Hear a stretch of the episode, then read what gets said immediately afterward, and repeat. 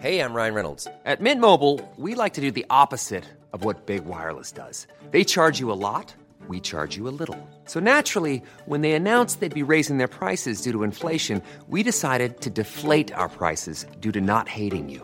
That's right. We're cutting the price of Mint Unlimited from $30 a month to just $15 a month. Give it a try at mintmobile.com slash switch. $45 upfront for three months plus taxes and fees. Promo rate for new customers for limited time. Unlimited more than 40 gigabytes per month. Slows. Full terms at mintmobile.com. There's never been a faster or easier way to start your weight loss journey than with PlushCare. PlushCare accepts most insurance plans and gives you online access to board-certified physicians who can prescribe FDA-approved weight loss medications like Wigovi and Zepbound for those who qualify.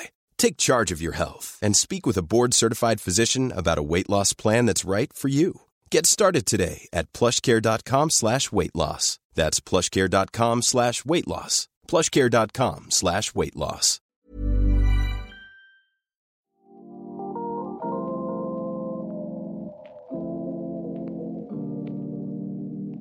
Välkommen till ett nytt år av Samtal med Svejman. Dagens samtal är ett jag har sett fram emot väldigt länge. Mauricio Rojas är en ovanlig svensk politiker och samhällsdebattör. Han har alltid tittat in från sidan, varit uppriktig, haft annorlunda perspektiv och skildrat Sverige från ett eh, utanförperspektiv. utanförperspektiv. Oavsett om man håller med honom om hans politiska slutsatser så är hans betraktelser värda att ta del av.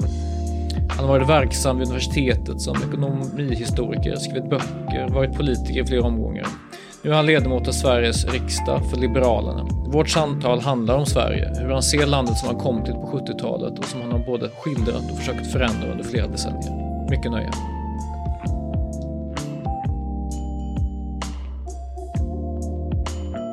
Maurizio, kan du, kan du berätta för mig hur gick det till när du hamnade i svensk politik?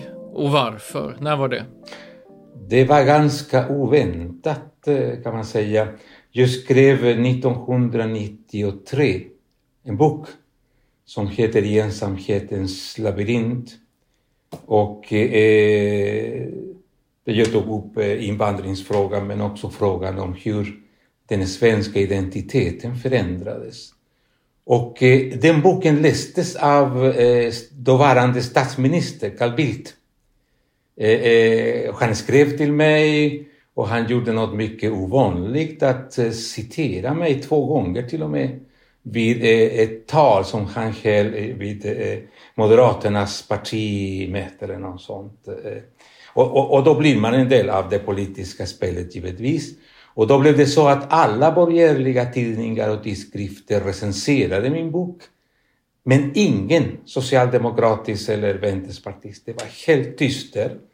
Det var, det var mycket oväntade budskap som jag kom med. Eh, man förväntade sig att man skulle vara vänster. Att man skulle eh, efterfråga fler bidrag eller något liknande och plötsligt kommer något helt annat. Så, så på det viset började jag att, att bli en del av svensk politik. Mm. Och, och vad, vad gjorde du av den, så att säga, när du, när du kom in i svensk politik, när du blev ett, ett, ett namn? Vad, vad var det du vad var det du såg då i Sverige eh, och i det politiska landskapet som saknades? Och vad, vad var det du bidrog med, om du, med dina ord då? Jag tror att det fattades ett eh, förståelse för något väldigt centralt. Och det är hur ett land går från att vara en mycket stark, djup gemenskap till att se den här gemenskapen uppluckras och sen landa i den, i den situation vi har idag där vi har splittring, mycket utanförskap, separatism också, mycket annat. Det var, det var den processen, det, det, det, det är en väldigt viktig, jag, jag, i min bok eh, från 93 så jag det här var kanske den allra viktigaste förändringen i svensk historia för att ingenting kan vara viktigare än när folket så att säga förändras, dess mm. sammansättning förändras. Och för ett land som var så, inte bara etniskt homogent som man brukar betona, men också socialkulturellt homogent. Folkhemmet var en slags kulmen på en lång process av enhetliggörande av det svenska samhället. Det, det, det, det, det gemensamma skolan och eh, eh radio och tv och, eh, och, och, Dagens Nyheter, men det är en debatt som alla som var politiskt intresserade läste. Man, man gjorde en nation där människorna hade väldigt mycket gemensamt.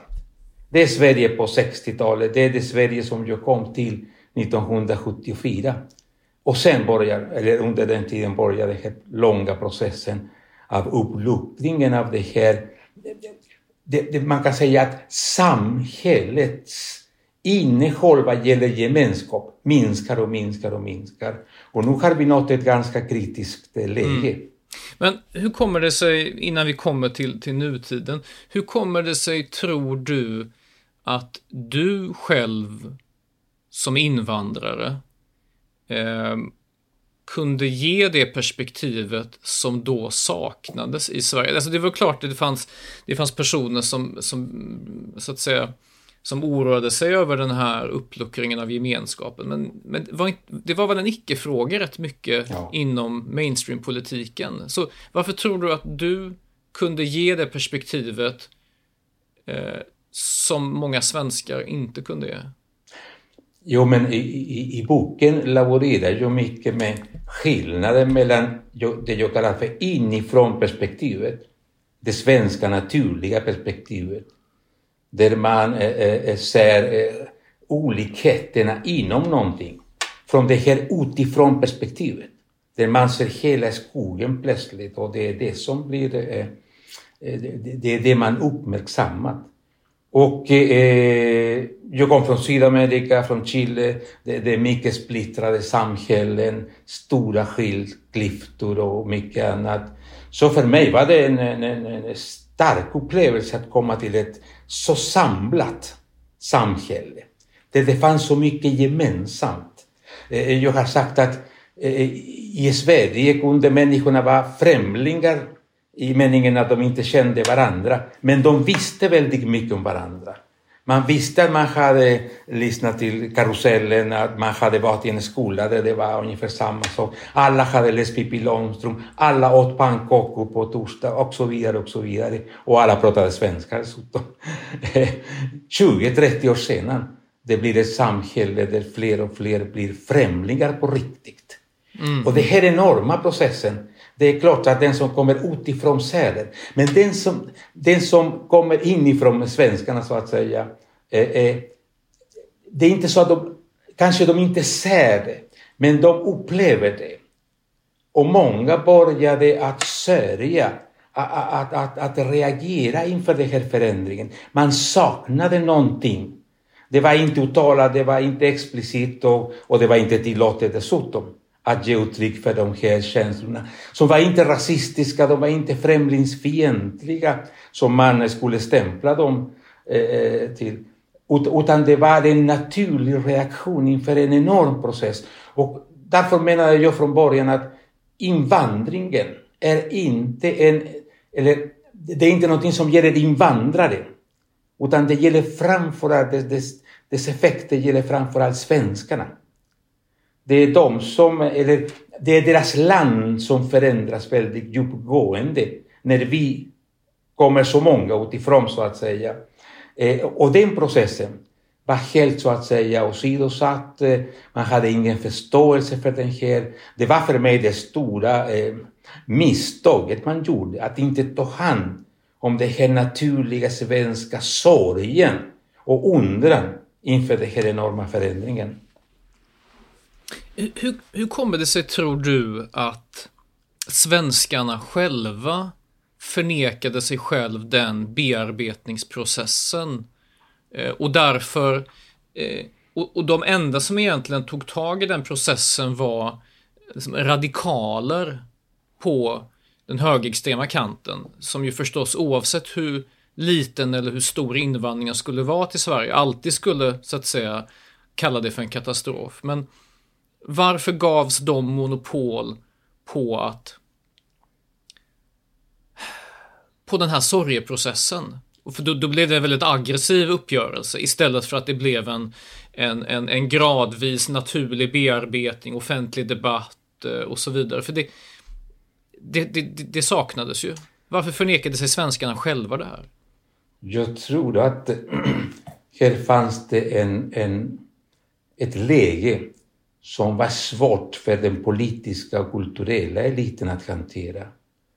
Man visste att eh, det fanns en, en majoritet, eller en stor del av den svenska befolkningen som eh, inte gillade eller som undrade eller som hade många frågor eller som inte tyckte om kanske den här snabba förändringen vad gäller befolkningen. Ehm, men det ville man inte ta i. Man, man, man, man fruktade eh, eh, det där eh, missnöjet eller saknad. Man försökte tukta till och, och tysta det här. Eh, eh, för att det gick emot den idealbild som eliten hade skapat. Svenskarna skulle vara ett slags eh, kosmopolitiskt folk som inte ens hade en egen kultur att förlora eller ingenting utan det var det, det rationella, det upplysta folket som skulle ta emot alla dessa nykomlingar med öppna armar. Det funkade inte så och det, det visste man redan på 80-90-talet och då var det ett, ett, ett väldigt eh, vilja eh, att, att, att inte tillåta att tabubelägga det här eh, dialogen. Jag kommer ihåg någonting som för mig var väldigt viktigt. Eh, det var folkomröstningen i Sjöbo. Den här skånska kommunen där det fanns en, en, en, en centerpolitiker som heter Sven-Olle Olsson, tror jag, eh, eh som man kallade Svinn-Olle eh, eh, eliten kallar och, Och, man, man, man, man, man, man stämplade de här människorna som nazister, som, som allt möjligt. Och jag tyckte, men vilken dumhet man håller på att göra.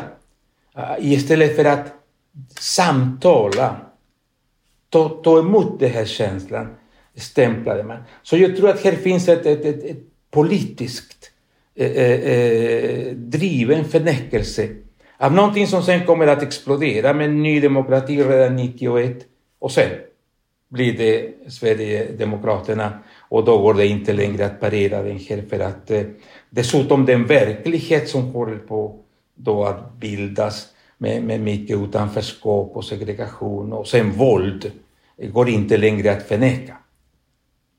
Mm. För det här är 90-talet då och, och Ny Demokrati kommer som en sån här eh, explosiv kraft, mm. Eh, får jättemycket utrymme i början av 90-talet och sen kollapsade de som parti, kanske inte oväntat, det var ett stökigt parti, de hade ingen fungerande riktig partiorganisation, mycket interna konflikter som är vanligt med nya partier. Tror du då att övriga partier tänkte att, ah, uff, då var faran över, då behöver vi inte hantera det här mer? Ja, ja säkert, säkert gjorde de så. Ehm, och de gjorde värre saker. De, de började leta efter mm syndabockar för integrationsmisslyckande som var ganska uppenbart redan då. Det var då man, man kom på, det i början på 2000-talet, idén om den strukturella rasismen. Mm, mm. Att alla problem som fanns var egentligen svenska problem som hade att göra med att svenskarna var rasister. Eh, eh det, det här var förödande.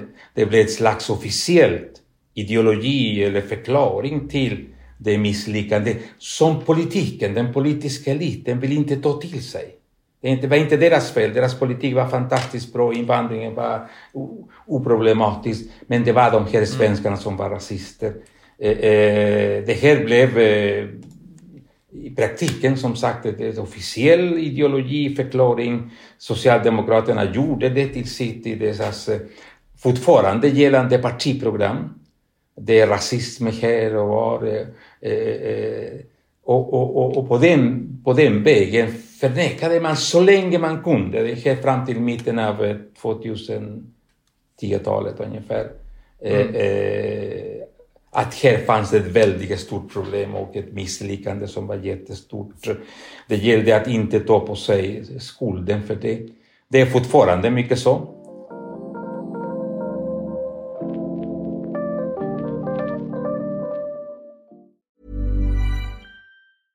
Ryan Reynolds here from Mint Mobile. With the price of just about everything going up during inflation, we thought we'd bring our prices down. So to help us, we brought in a reverse auctioneer, which is apparently a thing. Mint Mobile unlimited premium wireless. Ready to get 30, 30, bit to get 30, bit to get 20, 20, 20, bit to get 20, 20, bit to get 15, 15, 15, 15 just 15 bucks a month. So, Give it a try at mintmobile.com/switch. slash $45 upfront for three months plus taxes and fees. Promo for new customers for limited time. Unlimited more than 40 gigabytes per month. Slows. Full terms at mintmobile.com. Everyone knows therapy is great for solving problems, but getting therapy has its own problems too, like finding the right therapist, fitting into their schedule, and of course, the cost. Well, BetterHelp can solve those problems. It's totally online and built around your schedule. It's surprisingly affordable too. Connect with a credentialed therapist by phone, video, or online chat, all from the comfort of your home. Visit betterhelp.com to learn more and save 10% on your first month. That's BetterHelp, H E L P. There's never been a faster or easier way to start your weight loss journey than with PlushCare. PlushCare accepts most insurance plans and gives you online access to board-certified physicians who can prescribe FDA-approved weight loss medications like Wigovi and Zepbound for those who qualify. Take charge of your health and speak with a board-certified physician about a weight loss plan that's right for you. Get started today at plushcare.com slash weight loss. That's plushcare.com slash weight loss. plushcare.com slash weight loss. Om vi rör oss lite fram i tiden, eh, någon gång runt sekelskiftet. Eh, du rör dig mellan partierna lite grann. Eh, di- du börjar inte med Folkpartiet. Nej. Kan, kan du berätta hur du tar steget från att ha blivit en politisk röst med den här boken som, som även uppmärksammades av Carl Bildt och dåvarande statsministern till att du tar steget in i politiken och vad som hände då? Berätta lite om den tiden. Ja, men, men eh, på 90-talet inledde jag ett samarbete med Carl Bildt och, och eh, med Moderaterna, Gunnar Hökmark och andra. Och då skrev jag olika rapporter då och fick, eh, jag tror att det var eh, eh 99, leda till och med en arbetsgrupp inom Moderaterna eh, om de här frågorna. Och vi skrev en hel del mycket uppmärksammade rapporter också om utanförskap och så vidare. Ehm, men sen i början på 2000-talet blev det eh, dåvarande Folkpartiet. Ehm, och eh, 2001 tog de kontakt med mig och de ville att jag skulle kandidera. Men jag sa till dem att jag är inte med i partiet och tänker inte vara med i partiet heller. Jag tycker att det, det, det är bra som det är för mig. Jag har gjort en hel del saker som, som oberoende, så att säga, men inom borgerligheten givetvis. Eh, och det accepterade man. Det var mycket ovanligt att man accepterade en icke-partimedlem. Sen blev det lite interna konvulsioner som det brukar vara. I, eh, eh, men till sist blev jag kandidat utan att vara partimedlem. Det här var mycket, mycket vanligt. Jag var, jag var ett vilde, fast jag inte kallades så för att jag, jag arbetade hela tiden med partiet. Så jag, jag blev medlem i partiet eh, två år efter att jag hade blivit invald till riksdagen. Då, när jag blev eh, eh partiets talesman eh, i integrations och migrationsfrågorna. Och jag tyckte att det var orimligt att, att, att, att man skulle kunna bli partitalesman utan att vara partimedlem. Så på det viset blev jag en del av det här partiet. Eh, eh, men, men det började så och på den tiden hade jag ett, ett viktigt politiskt kapital som givetvis var attraktivt för det parti som när jag började samarbeta med, med Folkpartiet var på 3 nivå ungefär, så det var, det var en, verkligen ett sökande efter personer som kunde bidra med, med något eh, där. Så, så på det viset blev det, det, det, det, det var den tiden då Lars Leijonborg var partiledare eh, och då utarbetades den här eh, politiken som hade med språktest och eh, krav. Att ställa krav, det att bry sig och allt det där som, som betraktades som ytterst rasistiskt och konstigt på den tiden. Mm, mm. Och trots att du hade, du hade skrivit rapporter med, med, med Moderaterna, du blev eh, värvad av dåvarande Folkpartiet Liberalerna. Eh, du hade ju också jobbat en del med Timbro, eh, tankesmedjan och skrivit ehm, böcker och rapporter för dem. Eh, och varit verksam ja, men i pressen och så vidare. Det fanns ju ett stort motstånd även inifrån borgerligheten mot eh, om inte din person så åtminstone det du hade att säga och berätta, det vill säga din blick på Sverige, det här utanför perspektivet in. Det var inte välkommet bland vissa. Hur, hur tolkade du det? Att det var inte bara politiska motståndare inom eh, vänsterblocket som var emot, utan även så att säga personer, även inifrån Folkpartiet och inte minst också bland andra borgerliga partier. Hur tolkade du det? Jag tror att många inom borgerligheten såg det inte komma, som man skulle säga senare. Det vill säga, de, de, förstod inte riktigt det som höll på att hända. Eh, eh, och det, här var väldigt eh, eh, tragiskt på många sätt för att när vi fick eh, regeringsmakten 2006 då, då, då var vår, eller regeringens eh, eh hållning eh, missade helt och hållet att göra och satsa, att göra något ordentligt vad gäller utanförskap och integration och alla de problemen. Eh, vi, vi, vi, vi inom Folkpartiet hade redan uppmärksammat frågan mycket. Vi hade skrivit, jag gjorde någonting som heter utanförskapets karta.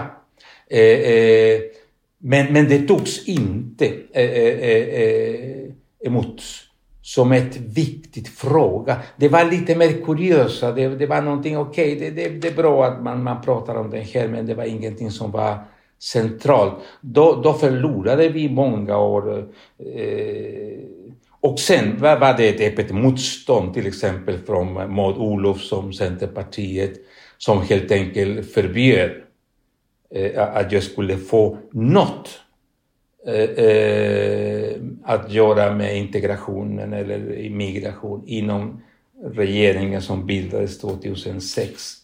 Eh, eh, jag kommer ihåg det, det, det gick månader där man försökte på något sätt eh, ja, ge mig en position där. Jag skulle utreda hela mottagningssystemet och föreslå något annat. Men det gick inte. Maud Olofsson var oövervinnligt och, och och på det viset fick jag ett mycket märkligt yrkesförbud i praktiken. Att jag fick inte syssla mm. med de frågor som jag hade sysslat med och de frågor som jag hade på något sätt eh, blivit väldigt eh, känd för. Eh, eh, mm. Så det var motstånd på riktigt. Men framförallt det var eh, det här att man inte förstod hur pass allvarligt det här var. Eh, ja. Tror du, det kanske är på sätt och vis ett, ett kontrafaktiskt scenario, eh, men tror du ifall, ifall man hade under 00-talets första år eh, tagit dina varningar och betraktelser på allvar och kanske även gjort grundliga utredningar av såväl mottagandesystemet som själva integrationsprocessen. Eh, hade man kunnat skapa ett ett, om inte helt sammanhållet samhälle, det är svårt, det, det går liksom inte att gå tillbaka till ett, ett samhälle före, före invandringen till Sverige, eh, alltså den, den stora som kom igång på 70-talet och framåt. Men hade man kunnat förhindra och förekomma några av de problem som är så allvarliga idag med segregation, brottslighet och så vidare. Tror du det fanns det ett ögonblick då man kunde har gjort saker åt det här under 00-talets eh, år? Ja, ja, det tror jag definitivt. Eh, eh, av olika anledningar. För det första att eh, från den tiden, 2002, 2003, 2004 eller 2006, har tillkommit en miljon invandrare mm. till. Det, är, det vill säga det har dubblerats eh, siffran av eh, utlandsfödda personer. Det är inte lite det. Dessutom med ett stort inslag av människor från Asien, Afrika, väldigt annorlunda samhällen. Så en icke-fungerande integrationspolitik eh, har varit en, en, väldigt viktigt för att få det här eh, utanförskap, radikala utanförskapet och separatismen och mycket annat. Dessutom, de problem som vi uppmärksammade då hade, eller det, det var en, en nivå på problemen som hade ingenting att göra med dagens problem. Då pratade man inte om parallellsamhällen. Islamismen var inte någonting som var på kartan. För att inte prata om det våld som vi har sett eh, under de senaste åren. Eh, eh, utanförskapsprocessen så att säga var i, i dess linda på många sätt. Det, det, det, fanns, det fanns många områden som präglades då av utanförskap. Eh, eh, om man tänker på sysselsättning och skola och mycket annat. Men det hade inte kristalliserats i den här separatistiska rörelsen. Att det finns maktstrukturer, att det finns grupper som driver eh, eh, eh, en, en, en, ett slags kamp mot det etablerade samhället för att härska och behärska över människorna som bor i, i många av de här segregerade områdena. Så både nivån på, på problematiken, antalet människor det gällde om, eh, eh, var helt annorlunda. Så jag tror faktiskt att man hade kunnat göra eh, eh mycket. Vi hade inte haft kravaller på den, eh, av den typen som vi kommer att få de, under de kommande åren. Det, säga, det var något helt annorlunda. Till och med Rosengård och de mest uh, utsatta områden var, var annorlunda.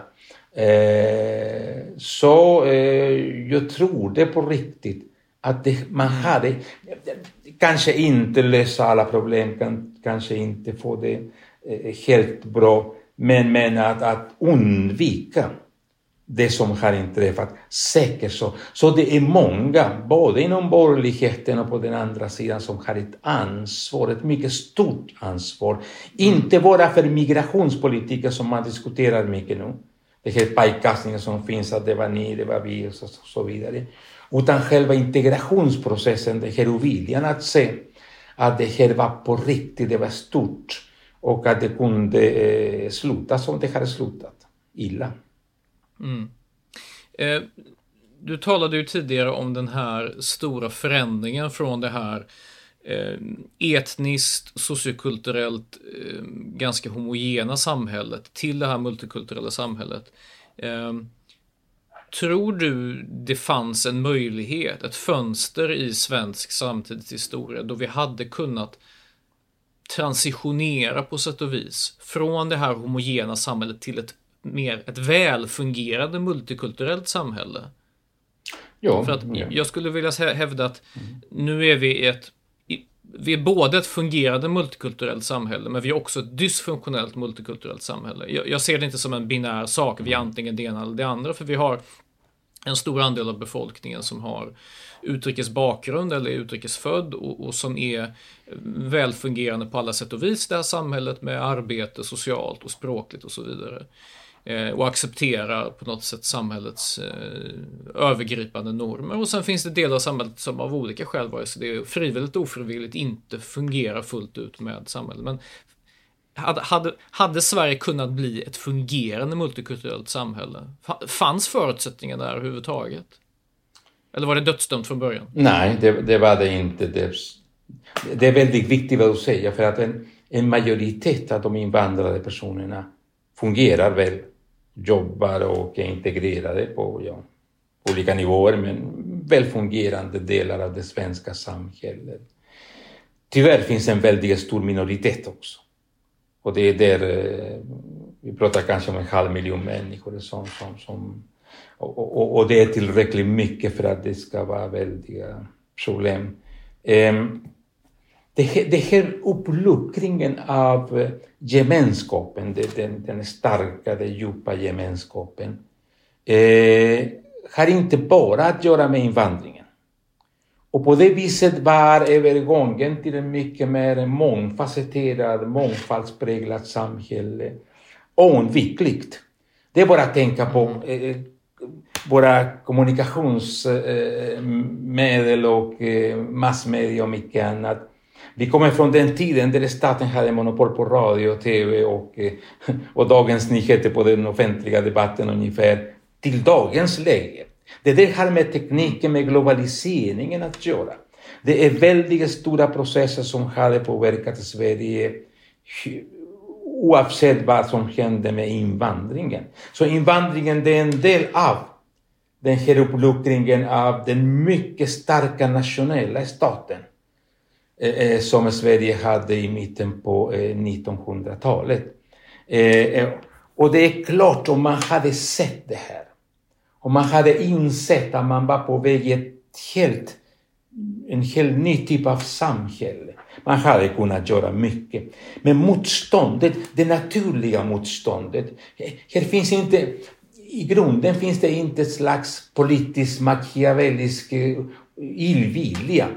Utan det var någonting som hände i ett samhälle som var helt oförberett för att eh, transformeras, förändras på det här väldigt djupa sättet. Invandringen var givetvis eh, den, den, den mest dynamiska, den, mest, den synligaste delen av den här förändringen. Den mest dramatiska också på alla sätt.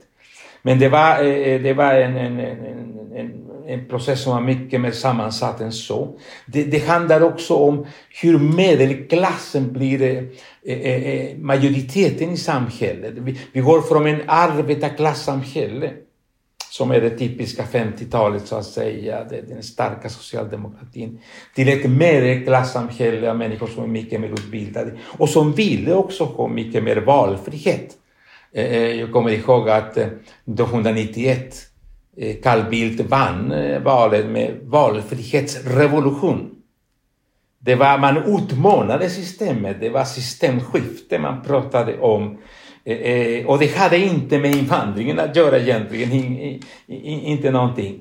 Det kommer att bli en del av problematiken givetvis för att den här valfrihetsrevolutionen kommer att öppna möjligheter för många eh, grupperingar som vill segregera samhället.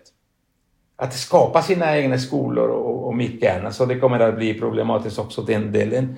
Vi såg det inte. Borgerligheten trodde att friheten var bara bra, att man hade inga problem när man, när man öppnar sådana friheter. Det är klart att man har det. Det har vi nu förstått. Så, så det, det, det var en mycket sammansatt process, men jag tror att eh, om, om man hade vetat, då hade man kunnat göra något annorlunda. Men det är kanske lite för mycket att kräva från ett folk som var helt funtat, bildat, utbildat och bildat i, i det homogena samhället med institutioner och en kultur. Det här är någonting man inte uppmärksammar ofta. Hela den svenska kulturen och språket kretsar kring gemenskapen. Det starka viet, det mycket svaga jaget och sånt. Eh, någonting som är väldigt förbryllande för människor som kommer från andra samhällen och så vidare. Eh, det är en gemenskapskultur där gemenskapen plötsligt börjar att försvinna. Men människorna är funtade av det här, institutionerna, partierna. De är funtade av den här. Och det är det, vi vet att det är långsamma processer, det, det, det, det är plågsamma processer också, de kulturella förändringar. Och, och, och tyvärr, tyvärr, vi betalar ett pris nu för att det, det var så.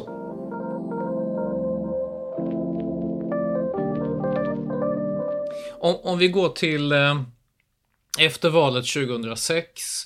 Eh, du, du går så att säga i exil från den svenska partipolitiken. Mm. Eh, och eh, försvinner iväg rätt mycket från, eh, från, från, svensk politik. Eh, när, när jag träder in i politiken och börjar skriva och så vidare, då är eh, Mauricio Rojas är var någon sorts omstridd profet från det förgångna. eh, man talade om Mauricio, vissa tyckte ah, nej, det var, han var bara, det var en det var liksom en plump i protokollet och vissa talade som, oj, det var den, liksom den, den förlorade profeten på något sätt. Att han, hade, han kom med någonting väldigt eh, ditt namn var väldigt omstritt på något sätt. Det var antingen, antingen älskade man eller så hatade man.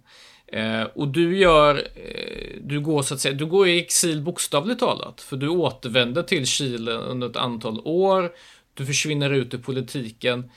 Eh, utan att gå in för mycket på, på, på vad du gör och varför och så vidare. Vad ser du av Sverige under den här tiden och vad är dina observationer? Nu är vi väl i början av 2010-talet någonstans. Mm. Det var 12 år som jag var eh, i exil, eller, eller i Spanien och Chile. Jag gjorde många olika och väldigt intressanta saker också. Eh, för mig i alla fall. Eh, och när jag kom tillbaka då var under pandemin. Och det var eh, pandemin som gjorde att jag kom tillbaka från Chile, där jag bodde då. För att jag ville vara nära mina barn och barnbarn så att säga. Det, det, det var en sånt läge. Så i mitten av eh, 2020 kom jag eh, tillbaka. Och då var det ett chock att börja och läsa om våldet, islamismen. För jag hade tagit avstånd från, eller inte avstånd, men jag, jag gjorde andra saker. Så jag följde inte riktigt eh, eh, eh den svenska utvecklingen. Och då började jag att, att, att, att, att ta in det här. Och det var verkligen någonting som inte ens i, i, i mina värsta mardrömmar från början av eh, eh 2000-talet jag hade kunnat föreställa mig. Att 300 unga människor skulle åka för att kriga med den islamiska staten till exempel. 300, det innebär att det finns ett nätverk på tiotusentals människor runt omkring detta för att möjliggöra att 300 åker för att strida. Eh, ja, och våldet, att varje dag hände någonting, man sprängde något. Eller, det, det, det, det, det var som att det här landet som jag lämnade 2008, lämnade jag landet, eh, hade eh, förändrats på det värsta tänkbara sätt. Och, eh, och då började jag att tänka på att kanske är det för sent Kanske har gått det för långt. Kanske vår blindhet när vi inte gjorde någonting när vi kunde göra, när problemet var mindre, har nog eh, blivit eller utvecklats till en dynamik som, som det går inte att stoppa. Eh, och jag är fortfarande undrande om detta. Går det att vända på så att det blir bättre? Eh, finns det möjligheter på riktigt? Eh, för jag, jag ser ett dilemma i att eh, eh, våldet och det som vi har upplevt på sistone, separatismen, de har ett kulturellt beredskap, de människorna som driver det. Att utöva våld och ta konflikter som fortfarande inte finns i det svenska samhället. Fortfarande har vi det här arvet där, där samförståndet, eh, att prata tyst, att komma överens, att, ja, allt det där som är väldigt svenskt eh, mm. och förbryllande dominerar. Så vi har en slags mismatch mellan det som den här nya konfrontativa, våldsamma verkligheten kräver och beredskapen att göra någonting bland de eliterna som ja, styr det här landet. Det där är ett väldigt problem. Eh, jag hoppas att det här går fort på något sätt för att vi, vi har förlorat mycket tid och eh, ja, förlorar vi mer tid och då, då har det verkligen illa. Mm. Tror du att eh, den förändring som har skett gradvis sedan 2015, det är ju det är ju nio år nu som Sverige på något sätt i, i ett sorts kaotiskt politiskt samförstånd så har Socialdemokraterna och delar av borgerligheten och, och definitivt Sverigedemokraterna drivit Sverige i en annorlunda riktning migrationspolitiskt och integrationspolitiskt. Sen kan man diskutera hur mycket det sker en praktisk politisk eftersläpning, det vill säga att hur mycket politiken hänger med retoriken och orden och intentionerna. Men tror du att de åtgärder som exempelvis Tidöavtalet formulerar och som även Socialdemokraterna i viss mån avspeglar, även ifall det sker mycket politiskt käbbel och vem gjorde vad och så vidare är det på väg i rätt riktning nu? Det vill säga, får de här åtgärderna avsedd verkan, det vill säga att minska segregationen, reda upp bland brottsligheten som är i stor utsträckning är kopplad till utanförskapet? Eller är det för lite för sent? Jag förstår att du kanske inte vill kritisera din egen så att säga, regering och så, men vad tror du? Ehm, går det åt rätt riktning nu eller gör regeringen fel saker eller är felfokuserad?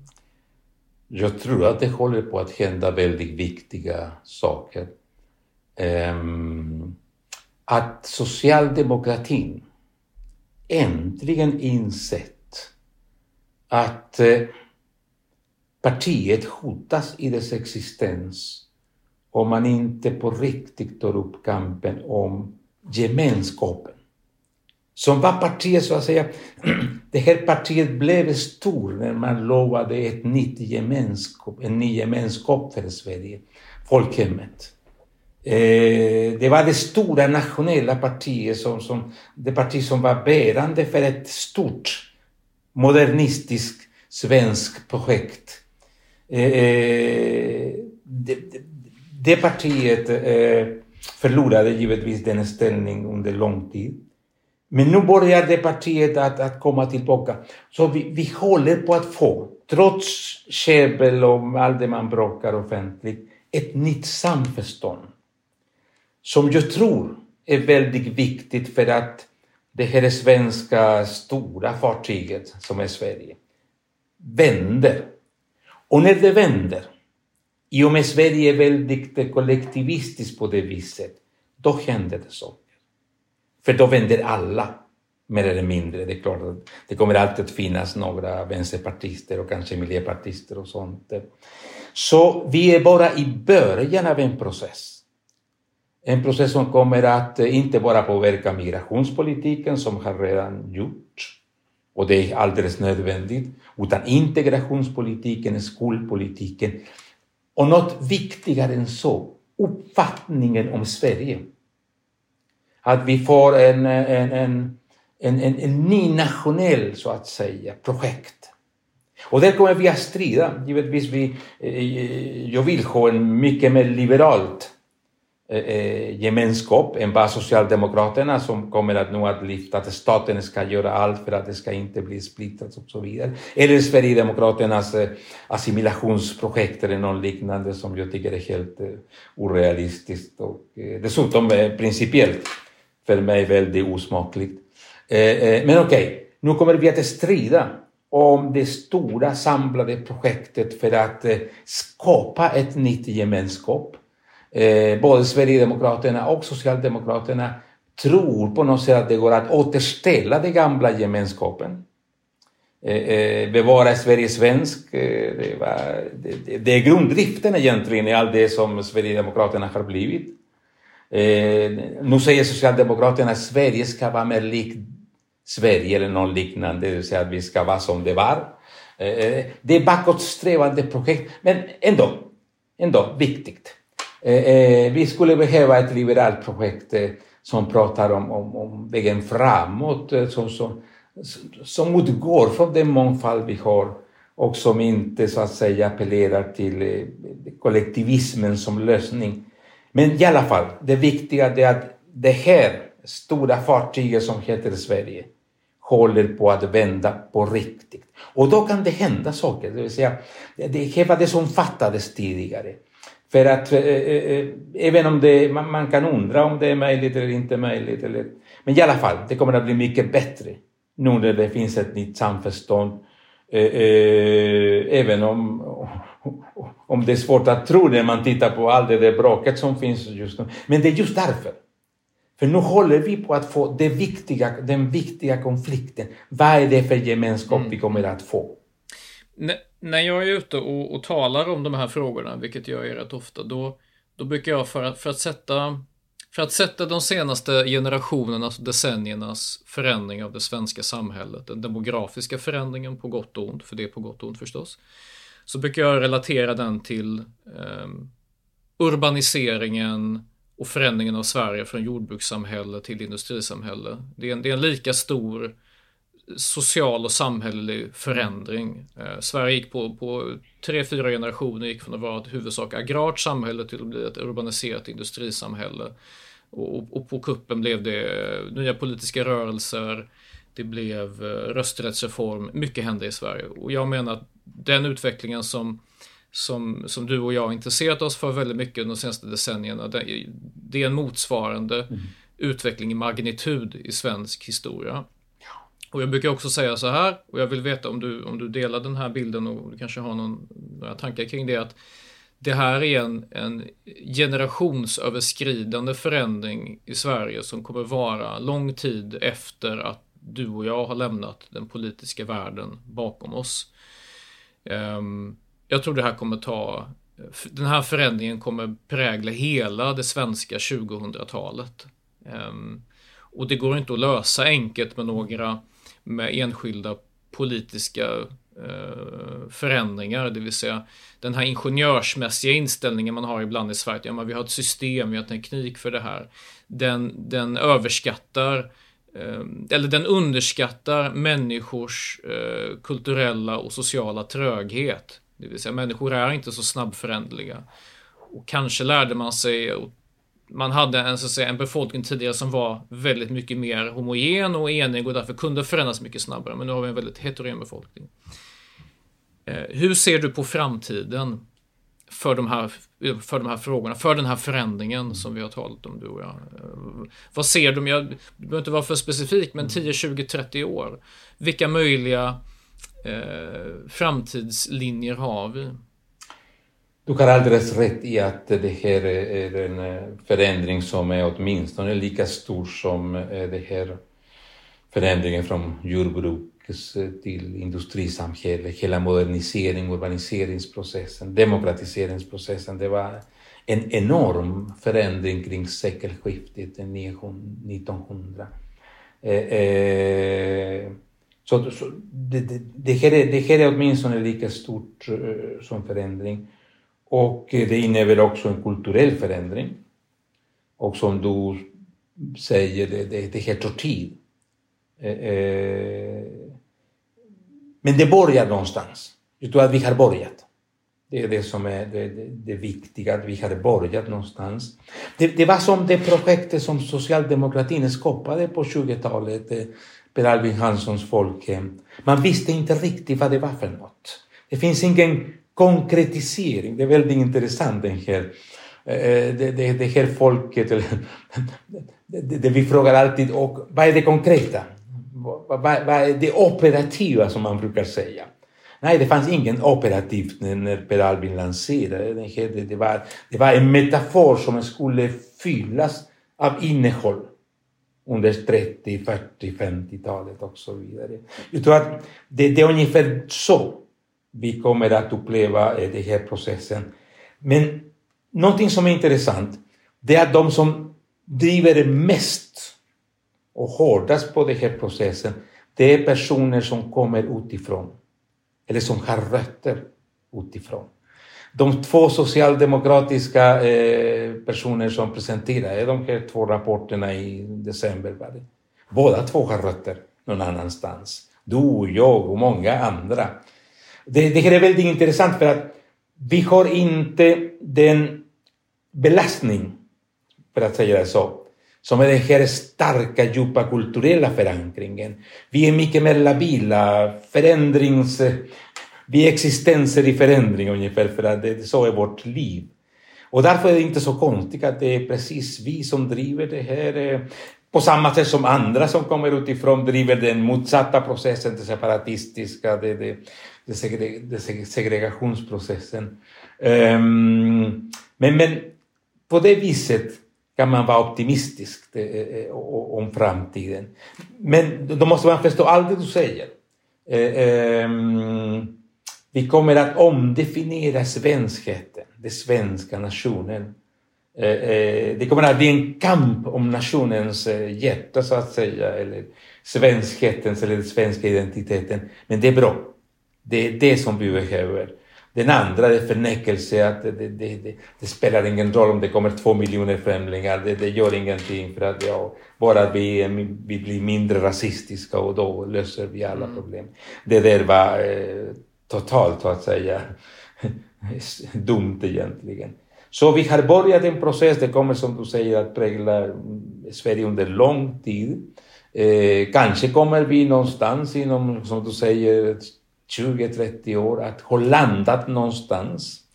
Så var det med, med, med det socialdemokratiska projektet också. Det finns några intressanta studier kring eh, sekelskiftet eh, 1900 debatterade man mycket det svenska. Vad var det svenska?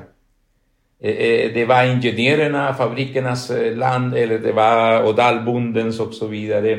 Den diskussionen tar slut på 30-talet. Man skriver inte längre om det svenska. det blir självklart att det svenska är det moderna, det förnuftiga, det framåtriktade. det, det socialdemokratiska egentligen. Eh, det gick relativt fort egentligen, men det, det, det, är en liknande process som vi kommer att... att och där kommer socialdemokratin spela spela mycket, mycket viktig roll. Och kampen mellan socialdemokratin och Sverigedemokraterna kommer att vara otroligt grymt och våldsamt. För att då, nu, nu, nu, nu är det de två på samma fält så att säga. De pratar om samma sak egentligen. Och deras väljare är ganska lika dessutom. Så de kommer att bråka så som ja, de som tror på samma Gud kan göra bara. Det, det är ungefär så. Men det kommer att vara, det, det här är framåt. Det här är bra. Mm. Mauricio, tack så mycket för dina insikter och tack för samtalet. Tack, Aran, tack.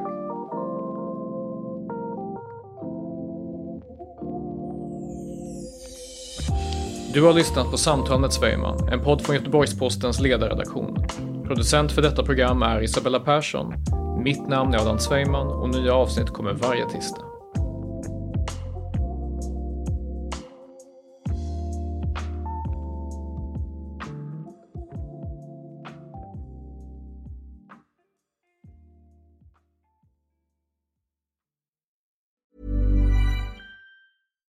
Hi, I'm Daniel, founder of Pretty Litter. Cats and cat owners deserve better than any old-fashioned litter. That's why I teamed up with scientists and veterinarians to create Pretty Litter. Its innovative crystal formula has superior odor control and weighs up to 80% less than clay litter. Pretty Litter even monitors health by changing colors to help detect early signs of potential illness. It's the world's smartest kitty litter. Go to prettylitter.com and use code ACAST for 20% off your first order and a free cat toy. Terms and conditions apply. See site for details. Planning for your next trip?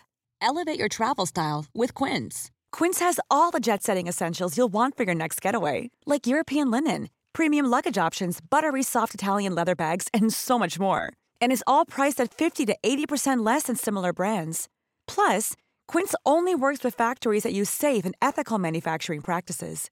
Pack your bags with high-quality essentials you'll be wearing for vacations to come with Quince. Go to quince.com/pack for free shipping and 365-day returns.